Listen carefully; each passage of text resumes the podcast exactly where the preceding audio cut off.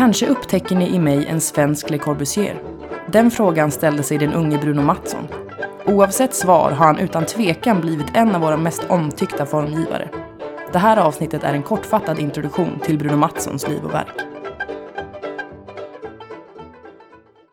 Han föddes den 13 januari 1907 i Värnamo. Det var också i Värnamo som han faktiskt kom att spendera större delen av sitt liv. Han Mm. flyttade inte direkt därifrån. Hans pappa Karl var snickare.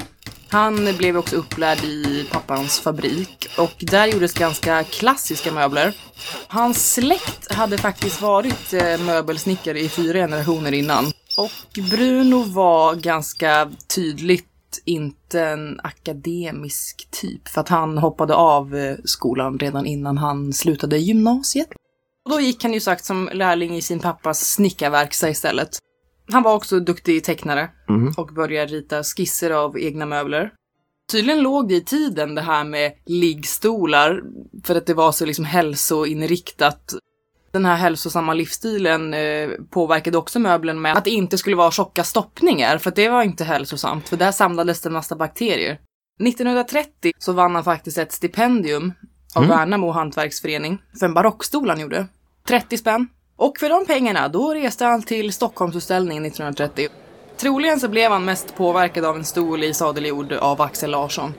Hans första sådär funkisstol blev ju då den så kallade gräshoppan. Mm, just det. Som den tydligen kallades av eh, sjuksköterskorna på det här Värnamo lasarett som det gjordes för. Exakt. De tyckte inte om den speciellt mycket. Nej, Pappan hade ju då en eh, snickarverkstad. var i Värnamo. Ja, precis. Men eh, den var lite för begränsad för Brunos nya konstruktioner. Böjträ och sådana saker då? Ja, Eller? och han tyckte inte att det fanns verktyg eller maskiner som kunde göra detta. Så han fick ju liksom experimentera massa själv.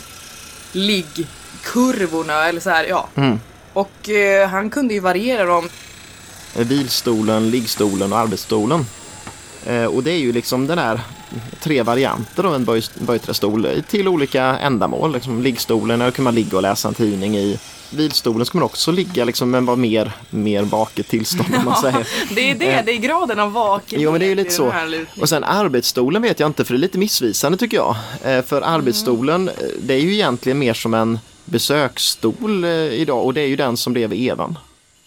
Han inser ju ganska snart att eh, de, alltså, när man tar fram de här nya stolarna då fungerar det inte att ha samma bord som man hade förr. Så då krävs det ja, bord i olika höjder. Så han tar fram en bordserie också då eh, som finns i tre olika höjder eh, och med eh, lite olika skivor och så. Och eh, de borden säljs fortfarande och heter Annika idag. En annan sån där multifunktionsmöbel som kommer väldigt tidigt, eh, då några år senare, 1936, det är mm, eh, det här eh, slagbordet Mm, som kallas Maria Flapp idag. Det kan ju göras från sådär en 20 cm brett till 2,80 långt.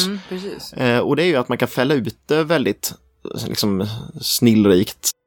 Eh, och, och, och samma år som det bordet kom, 1936, det är ett viktigt år och det har med Röska att göra också då. För att det, är- på Röska museet i Göteborg så har Bruno Mattsson sin första separatutställning då. Men då visar han just de här, han visar de olika modellerna av stolar och han visar borden han har. Han visar även en dagbädd. Han lyckas ju där och, och dessutom får han jättebra liksom, press. De får mycket bra skrivet om honom. Bruno vill ju hitta något eh, företag som vill producera hans möbler. Eh, Och, och det går inte riktigt. Han försöker med Svenska möbelfabriken i Bodafors och några till men alla säger att det blir för dyrt. Och då finns det ju en sak han kan göra. Och det är att vända sig till pappas företag, Ja. firma Karl Mattsson. Han ser till att börja producera möblerna i pappans fabrik i Värnamo och sen så sälja dem på postorder. Då var det ju det här att han blev inbjuden till, till Parisutställningen eh, 1937. Och han får ju ha med både stolar och bord och den, en vilsäng då, på, ja, som kom kallas Paris då, eh, på utställningen. Det, det var ju flera av de här liksom, viktiga namnen i, i formgivningsvärlden som eh, verkligen uppskattade när de såg vad de svenska böjträmöblerna. Problemet är ju bara att någonting händer då 1939. Nej men vad kan det Ja, vara? kan det vara andra världskriget Ja. som drar igång? det blev ju stiltje för det blev ju ingen export under den här perioden. Mattsson han säljer ju möbler på postorder i Sverige och, och liksom bygger upp en kundgrupp och gör sig ett namn. Men det är också lite en sån här lugn period så han har möjlighet att utveckla massa nya möbler. Mm.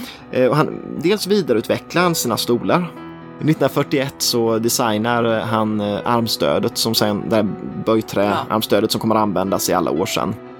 Han gör även en hög variant av, eh, av evan där. Eh, Han tar fram en bokvagga just för att man ska kunna sitta i stolen och ändå Mm, nå det, böckerna som är vinklade lite snett upp mot den som ska ta dem. 1943 kommer en DN-journalist och hälsa på honom. Och hon hette Pernilla. Tydligen gick det mötet så pass bra att han döper en fåtölj till henne. Och det är ju kanske hans mest kända efter Ja. evan då. Om inte. Vilstol med armstöd. Ja, Året innan, alltså 42, då hade han faktiskt träffat en kvinna som eh, heter Karin Svärd. De blev ett par och gifte sig på hösten 43. Tydligen så såg han det som en självklarhet att han skulle rita hus till sina möbler. Ja. Att det blev liksom en helhet. Och det första huset han ritade var ett fritidshus på 72 kvadrat. Och mellan 44 och 78 så uppförde han ett 40-tal hus. det var i början av 60-talet ju som Bruno Mattsson eh, besökte Piet Hein i Köpenhamn. Och eh, Piet Hein hade precis då ritat eh, en lösning till hur trafiken skulle flöda runt Sergels torg i Stockholm. Han tog fram superellipsformen för att vara det bästa sättet att få ett flöde runt torget. Då insåg eh, Bruno Mattsson enligt, ja, enligt sägnen i alla fall om det här att, att det här är ett bra sätt att göra ett bord på också. Både Piatain och Bruno Mattsson ska tidigare individuellt ha jobbat med någon spännbenslösning. Tanken är att ta fram då det här bordet, superellipsen, och göra det som ett gemensamt projekt mellan Piatain och Bruno Mattsson. Då startar Bruno Mattsson företaget Bruno Mattsson International och ska börja producera superellipsbord där. Och superellipsbordet presenteras första gången på Liljevalchs 1964. Men det här det blir lite fel, va? för att eh, Piet Hein befinner sig i USA och i efterhand så tycker han att eh, Bruno Mattsson har tagit åt sig äran för det här helt och hållet. Det startar en liksom, infekterad rättstvist. Och det blir ju en förlikning som slutar med att, att eh, Bruno Mattsson International får tillverka det i Sverige och Fritz Hansen får ju producera samma bord i eh, Danmark. Men det här med ellipsborden var väl också ett lite så här väckarklocka för Bruno Mattsson. Han inser att ja, men man behöver kanske inte bara jobba med böjträ, liksom, utan kan, metall är ju ganska bra. Och 1966 så formar han Jetson. Eh, och det här är väl Bruno Mattssons, eh, om man säger, liksom bidrag till de här Space Age-möblerna. Mm. Erik Ljung, eh, som var chef för Dux, han börjar prata med eh, Mattsson om att skulle man inte kunna göra ett, ett, ett samarbete på något sätt. Och strax därefter så ritar också då Mattsson den första stolen han gör enbart för Dux. Och det är Karin. Just det. Och det är ju en stålrörsstol men på hjultrisser. Det som också har hänt är väl lite där att, att firma Karl Mattsson har blivit lite föråldrad. Resultatet blir att ganska snart efter det där i början av 70-talet någon gång tror jag det var så, så lägger han ner produktionen i firma Karl Mattsson och flyttar över nästan alla de möblerna till Dux istället. Ja, Bruno Mattsson dör ju 1988. Idag produceras ju hans möbler av både Dux och Bruno Mattsson International.